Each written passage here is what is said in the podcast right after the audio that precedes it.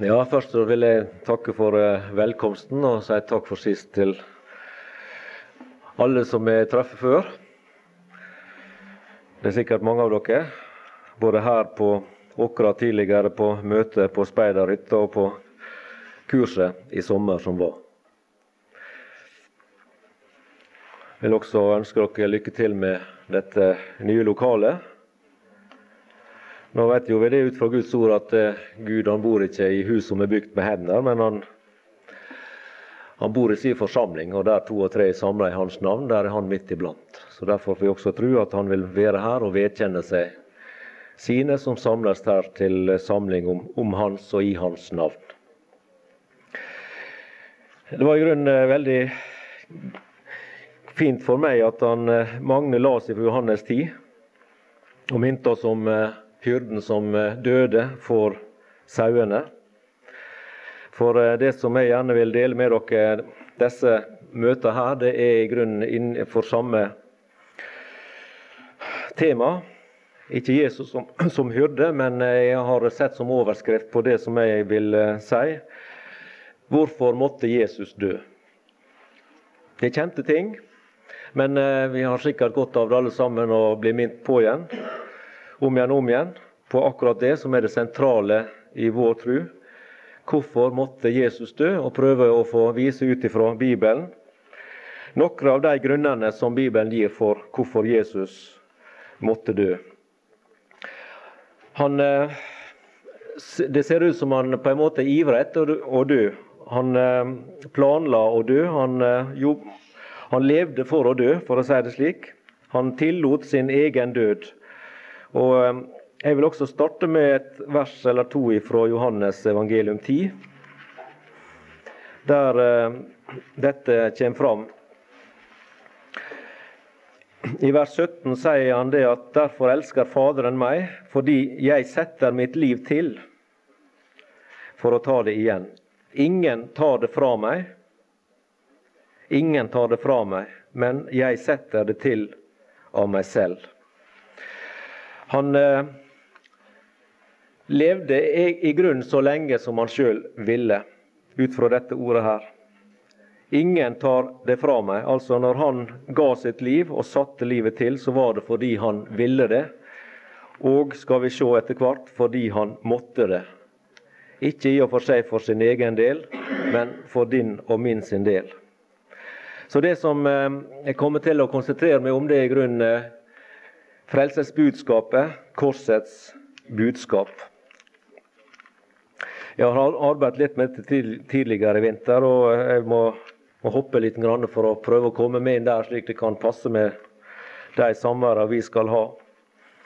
Du vet at korset, det, det var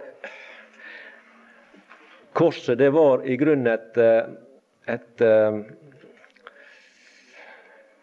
noe som ble brukt i, i Romerriket til å ta livet av folk med. Det var et, en henrettelsesmetode, rett og slett. Å henge folk på et tre.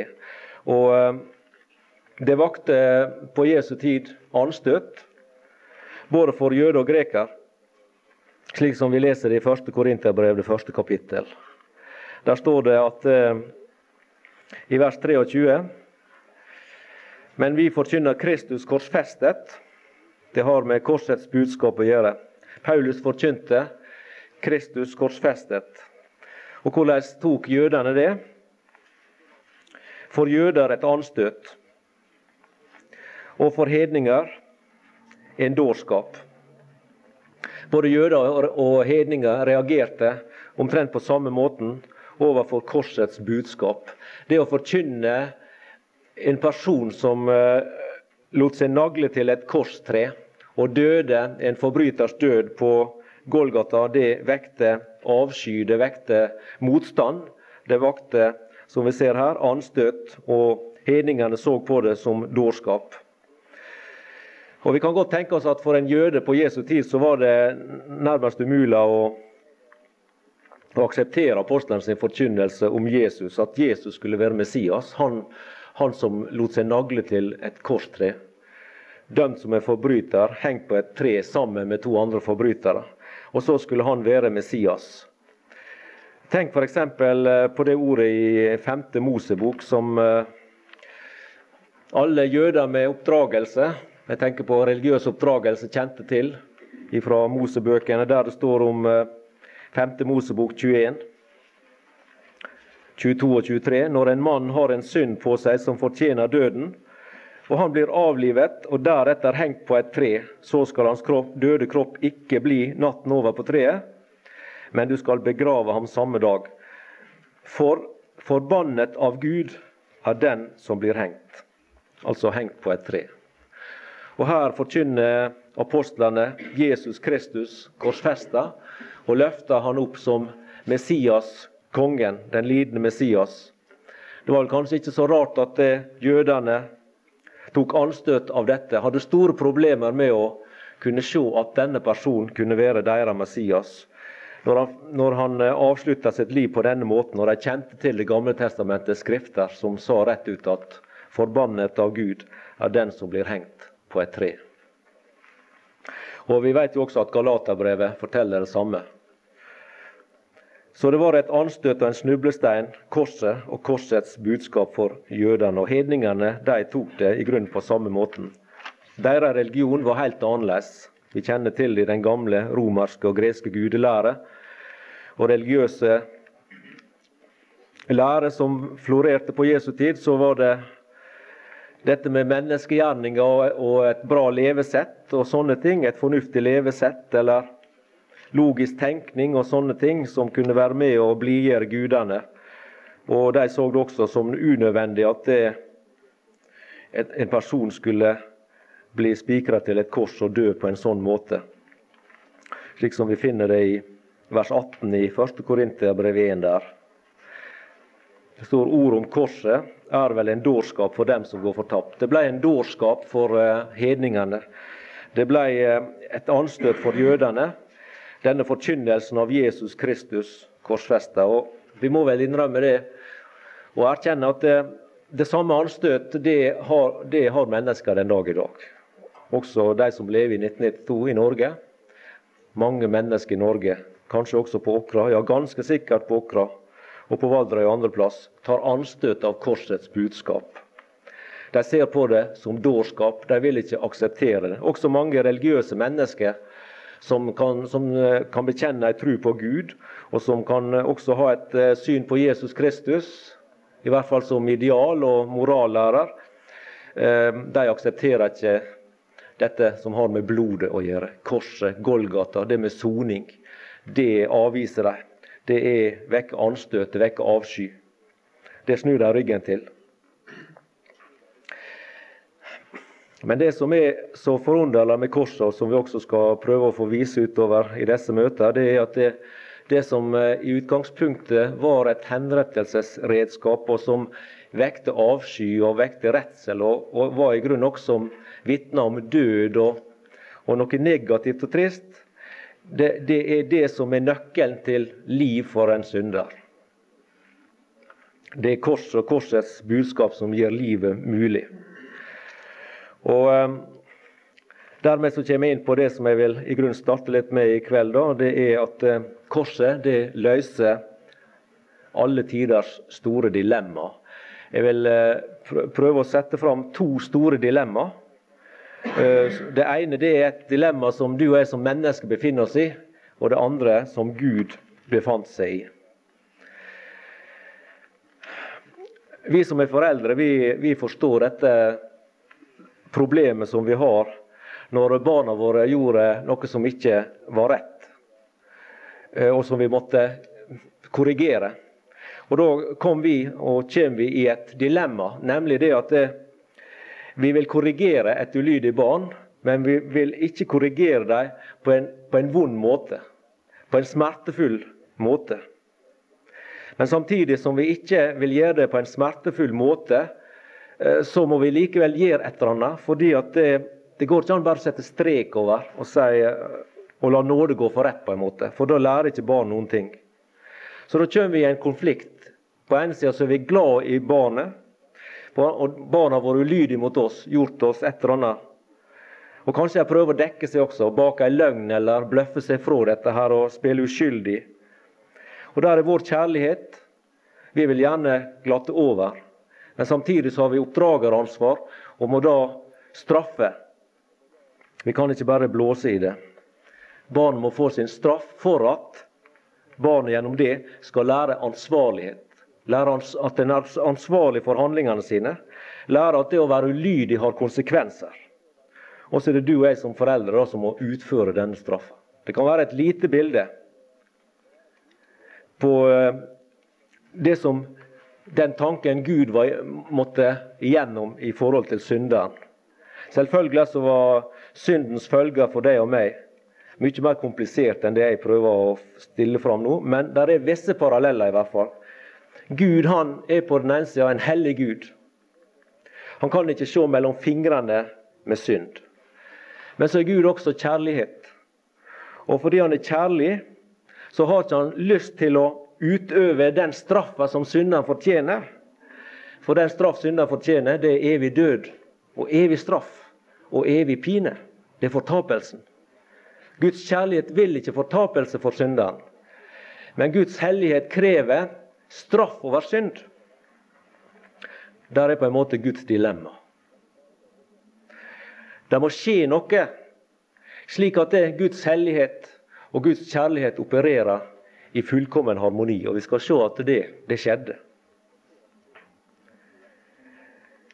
Men du og jeg som menneske hadde også et, et problem. Vi også sto i et dilemma. Og Jeg har notert meg som et eksempel Tenk deg en gruppe mennesker oppe et tietasjes oppe et hustak, ti-tolv etasjer høyt. Huset står i flammer. Du kan ikke komme deg ut. Du, du blir ikke henta av helikopter eller noe sånt. Du kan ikke komme deg ned gjennom etasjene og redde deg på den måten. Men det er et hus ved siden av. La vi si det er 10-12 meter borte. Der er et annet hustak. Og det er de eneste redning og min eneste redning. Det å komme oss over på det hustaket. Og så starta vi alle sammen. I hvert fall de fleste. De ville prøve å redde seg. Noen de gir opp og synker sammen og eh, blir apatiske. Men andre de vil prøve. De tenker som sånn her er det gjelder å prøve. Og så vet vi at eh, vi er i ulik form, og vi er ulikt spreke.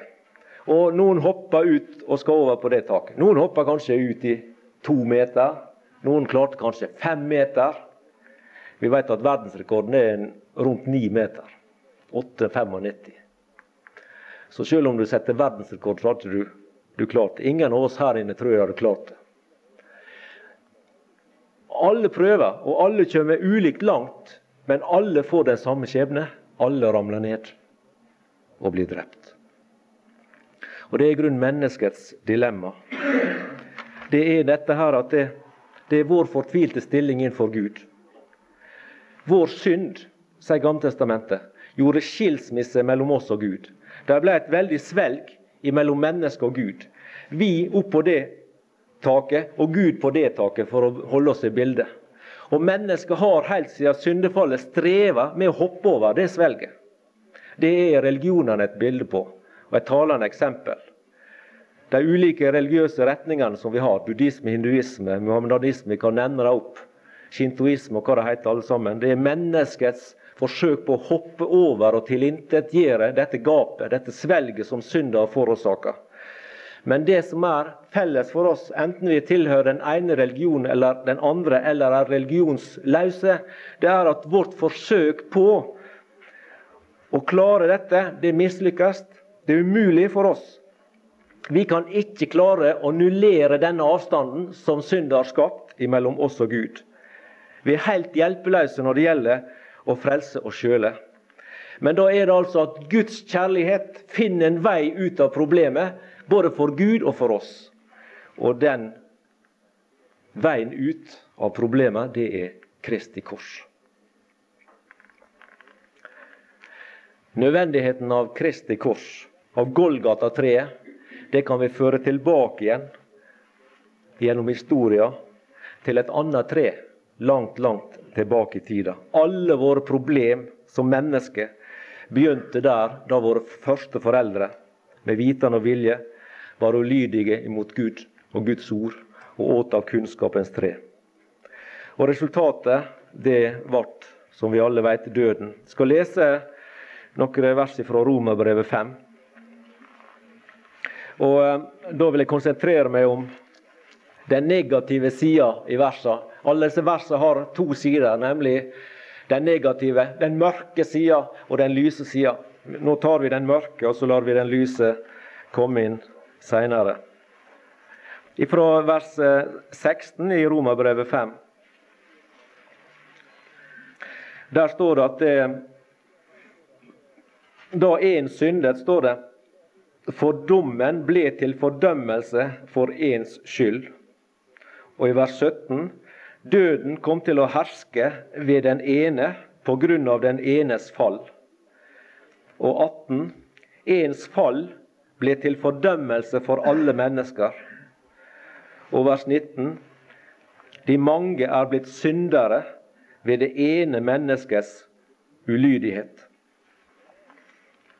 Og Fra Adams tid, fra fallets tid, da det var en realitet, fra den tid og like til i dag, så er alle mennesker som er født inn i denne verden, blitt født fysisk levende, men åndelig døde. Paradisets hage, Edens hage, det ble tatt. Vi vet mennesker ble vist ut derifra. Og Gud satte vakter der for å hindre mennesket å kunne komme tilbake. Eden var tapt, og menneskets uskyldighet var tapt. Og det viser også historien av livet oss at det er sant. En gang skapte Guds bilde. Men etter syndefallet så vandrer mennesket bort ifra Gud. Slik som Esaias 53 forteller. Vi får alle vill som får, vi venter oss hver til sin vei. Det er det som er kjennemerket på mennesket. Vi får alle vill, og vi venter oss hver til sin vei. Noen får dit, og noen får dit, og noen får dit. Også i religiøs sammenheng, som jeg nevnte. Men det som er felles, er at alle disse veiene, alle disse stiene, alle disse retningene som enkeltmennesker og grupper av mennesker tar, det er at alle går bort fra Gud. Vi venter oss hver til sin vei, bort fra Han. Og det er sant like til i dag.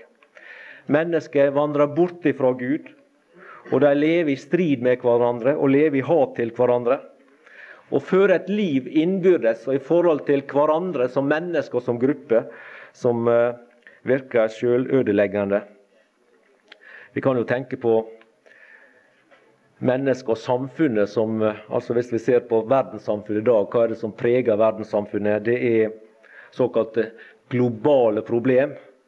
Det er miljø, ødeleggelse og miljø, forsøpling og det ene med det andre. Det er krise på det økonomiske plan, det er krise på det moralske plan, det er krise på det politiske plan osv. Jeg kan nevne i uendeligheten av kriser som mennesket sjøl har ført seg inn i. Som et resultat av eh, den synda som hersker, og som bor i oss, bor i oss alle. David i Salme 51 han beskriver syndens følger, hvor gjennomgripende den er i menneskesinnet. Hvis vi leser i vers 7 i Salme 51 har unnfanget meg i synd. Altså Dette verset beskriver for meg denne nære tilknytning naturen har, eller arven har. Dette at det, David han var et produkt av sine foreldre, og de var et produkt av sine foreldre.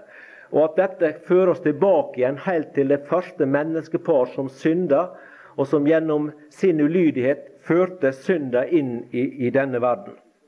Derfor så, så, er det ikke mulig å unnslippe. Det er ikke mulig å unnslippe synda. Den forfølger oss gjennom fødsel.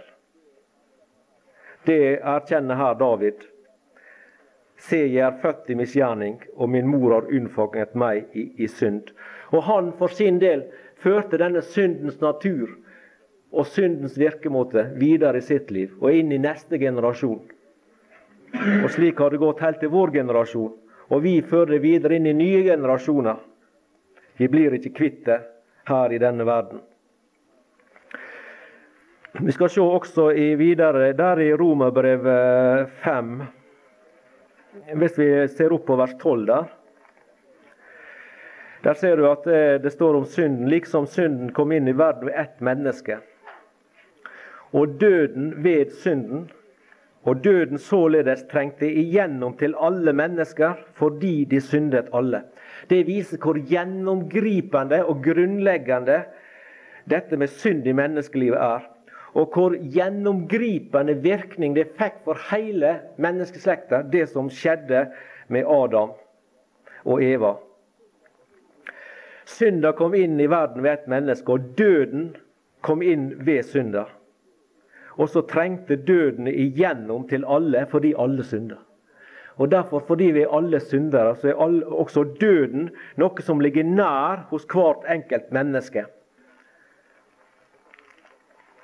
Og som vi sikkert kjenner til alle sammen, så er det bare én ting som kan hindre eh, døden i å begjære oss, for å si det slik, få oss som sitt bytte. Og det er at døden blir oppslukt av livet. Det er at du og jeg som troende opplever forvandling av bortrykkelsen og slipper å gå veien om død og grav.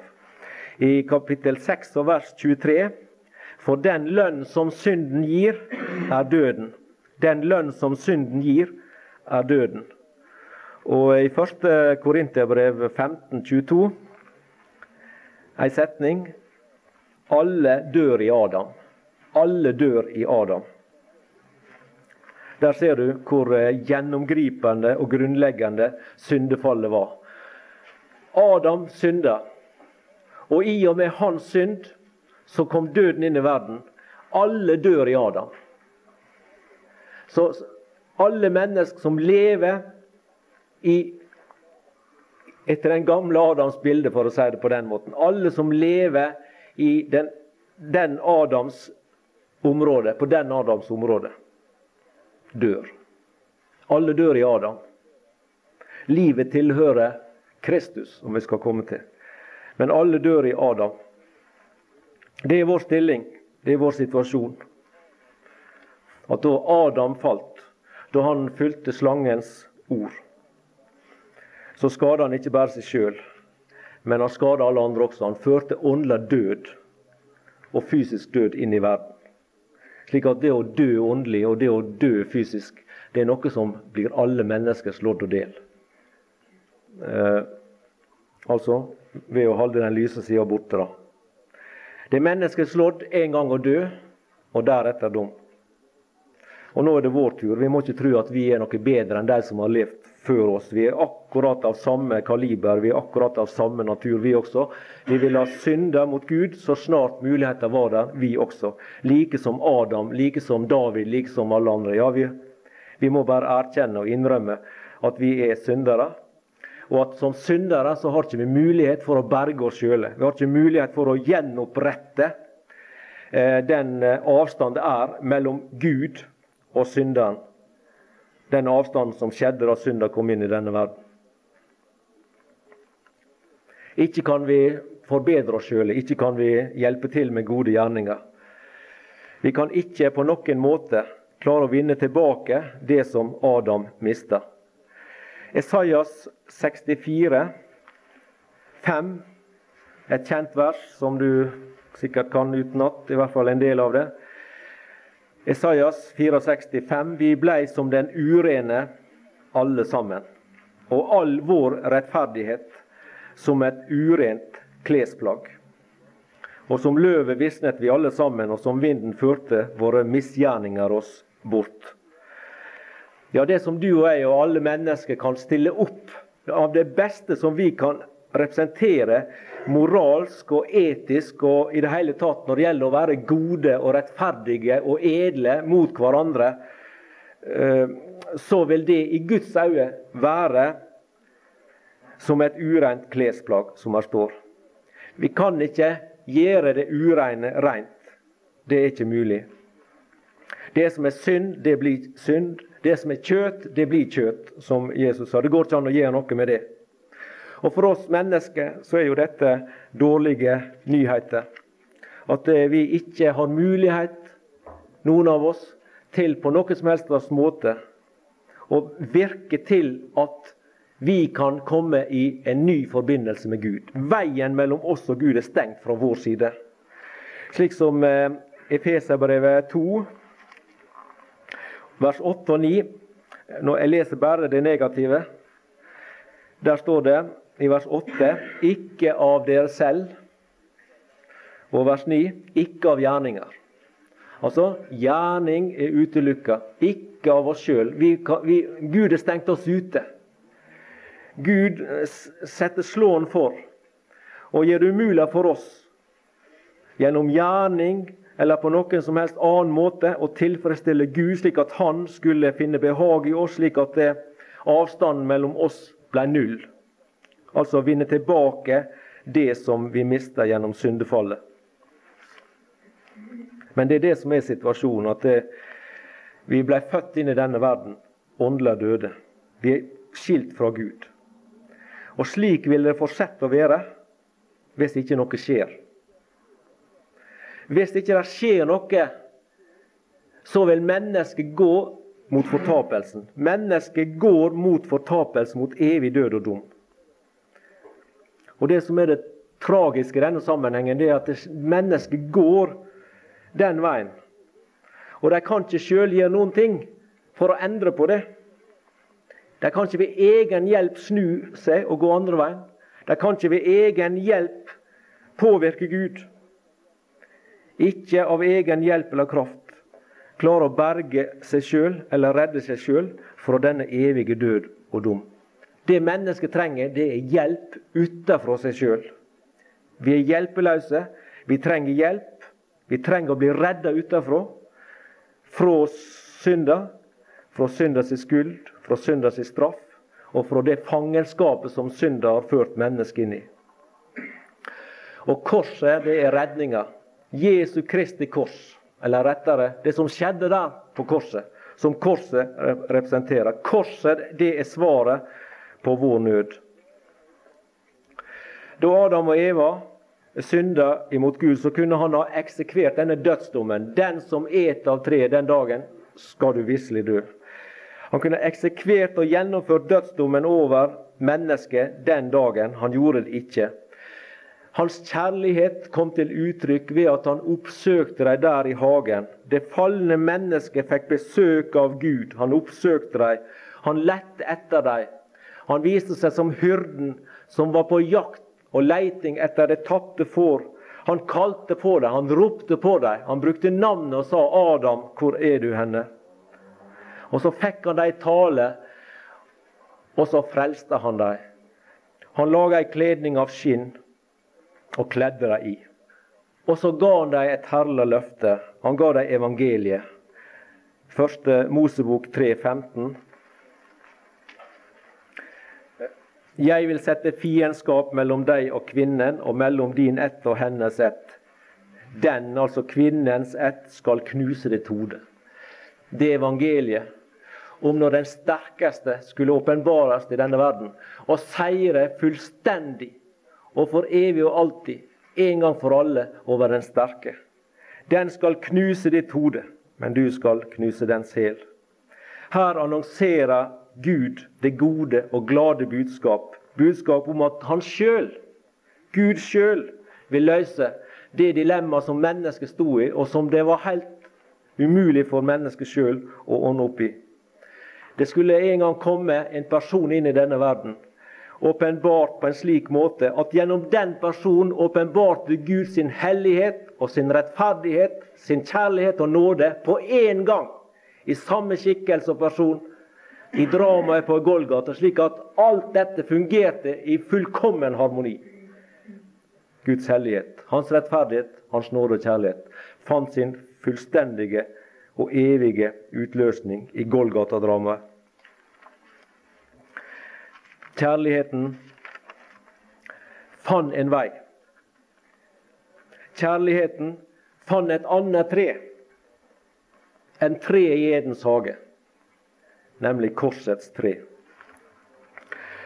Eh, hvis vi leser, kan lese der Romerbrevet 5, vers 6. Det er et fint ord i den sammenheng, syns jeg.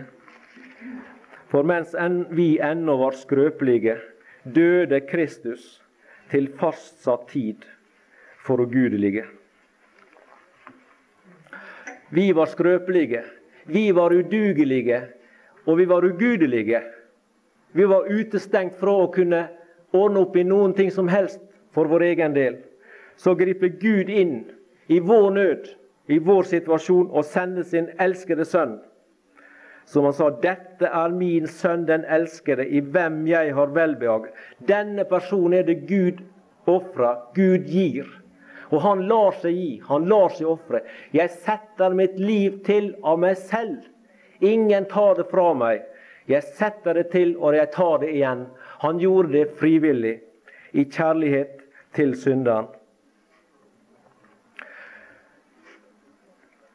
Kristus døde til fastsatt tid. Da tidens fylde kom, utsendte Gud sin sønn, født av en kvinne, osv. Da Gud så den fullkomne tid, da kom den Herre Jesus. Til fastsatt tid døde han for ugudelige, for deg og meg. Og det løste ditt problem overfor Gud. Det løste mitt problem. Det har løst alle menneskers problem i sitt forhold til Gud. Nemlig at Jesus Kristus og hans kors har tatt bort det som skilte oss fra Gud, nemlig våre misgjerninger. Er det som har gjort skilsmisse? Synda er sona, gjelden er betalt. Synderen kan nå gå rett inn til Gud, i den forstand at når en synder blir frelst, så blir han også født og blir et Guds barn, og får og blir med i den himmelske familie.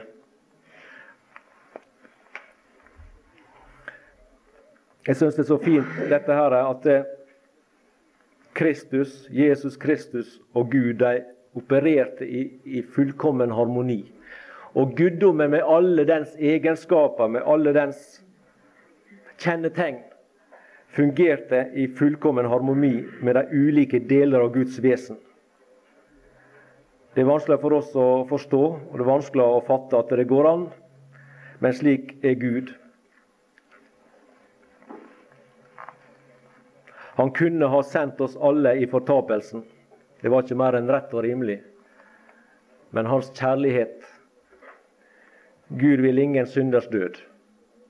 Gud vil at mennesker omvender seg og lever. Men mennesket kan ikke omvende seg. Gud må omvende mennesket. Gud må gripe inn. Gud må frelse. Og når Gud får frelse, da blir det også liv av døde. Det første tre, treet i Edens hage, det førte til synd og død.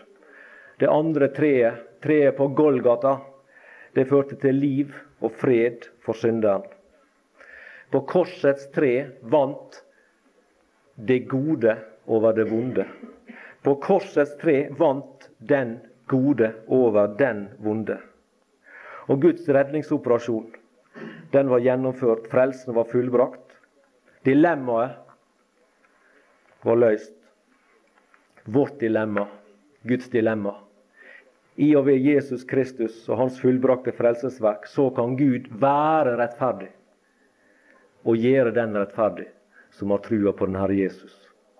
Hans hellighet og hans nåde og kjærlighet er ingen motsetning mellom det. det for, de to går fullstendig opp i fullkommen harmoni i Jesu Kristi frelsesverk på Golgata kors. Hvordan og hvorfor gjorde så Gud dette? Ja, hva, hva, så Gud i korset? Hva var det som, eh, som hendte der? Da Guds elskede sønn ble nagla til et korstre. Ble mishandla av mennesker, tornekrona, spyttablås osv., som vi kjenner til. Og som hang der på korset i disse timene, og til slutt ropte det triumferende 'fullbrakt'. Det er to prinsipp som jeg vil nevne, som gjelder denne, dette med frelsesverket. Og som gjelder da løsninga av det dilemmaet som vi har snakka om i, i, kveld. Dette dilemmaet som har årsaka seg i, i, menneskets synd. Og menneskets, menneskets manglende evne eh, til å frelse seg sjøl. Til å redde og berge seg sjøl på den ene sida. Og dette med Guds hellighet og kjærlighet på den andre sida. Og de to prinsippene i denne sammenheng i forbindelse med korset og det som skjedde på Golgata kors, det er prinsippet om eh, et tilfredsstillende offer. Og det er prinsippet om en nødvendig stedfortreder. Og de to tingene vil jeg ta opp i morgen ettermiddag. O Herre Krist, hvor kunne du tålmodig lide dødens gru? For meg, o Herre, le du da den mørke stund på Golgata. Ja, jeg takker deg, Herre Jesus, for min del at du ordna opp i dette forferdelige dilemmaet som jeg var i, nemlig at jeg sjøl som en synder ikke kunne redde, frelse eller berge meg, men jeg var evig fortapt. Og så kom du, Herre, og gjennom din død på korset så ordna du opp. Du kunne rope 'fullbrakt', og så var det fullbrakt også for meg. Så var synda sona, gjelden betalt. Så takker jeg for, Herre, at du som den gode hyrde setter livet ditt til også for meg. Og så takker jeg for, Herre, at du gikk som hyrden og leita ute i ørkenen etter det tapte fåret. Og så fant du meg også. Så fant du meg og så vant du meg. Takk for det, at du vant mitt arme hjerte. Takk for at jeg i kveld også får hvile i ditt fullbrakte frelsesverk. Takk for den nåde det er å få regne seg som et frelst menneske, frelst av nåde for Jesus skyld. Takk for at jeg i kveld får regne med å være med i den himmelske familie. Et elskelig Guds barn med alle mine svakheter, med alle mine nederlag, med alle mine tvil, med alle mine fall, Herre, så får jeg likevel være med i familien. Og det takker jeg for. Takk for din nåde til frelse. Takk for din nåde til bevarelsen. Takker jeg for hver enkelt som er her i kveld. Velsigne alle sammen. Og jeg ber spesielt for de unge, Herre, som vokser opp og som møter mange tøffe ting ute i hverdagen. Herre, vær med dem. La dem få kjenne og merke at eh, du er deres gode og store hyrde, som tar det av dem, som passer på å verne og bevare dem også. Takk for du er en som alltid er der, både når vi føler vi trenger deg, og når vi ikke vi føler det. Både i med- og motgang, både i sorg og i glede. Takk for at du er en frelser som aldri svikter. Amen.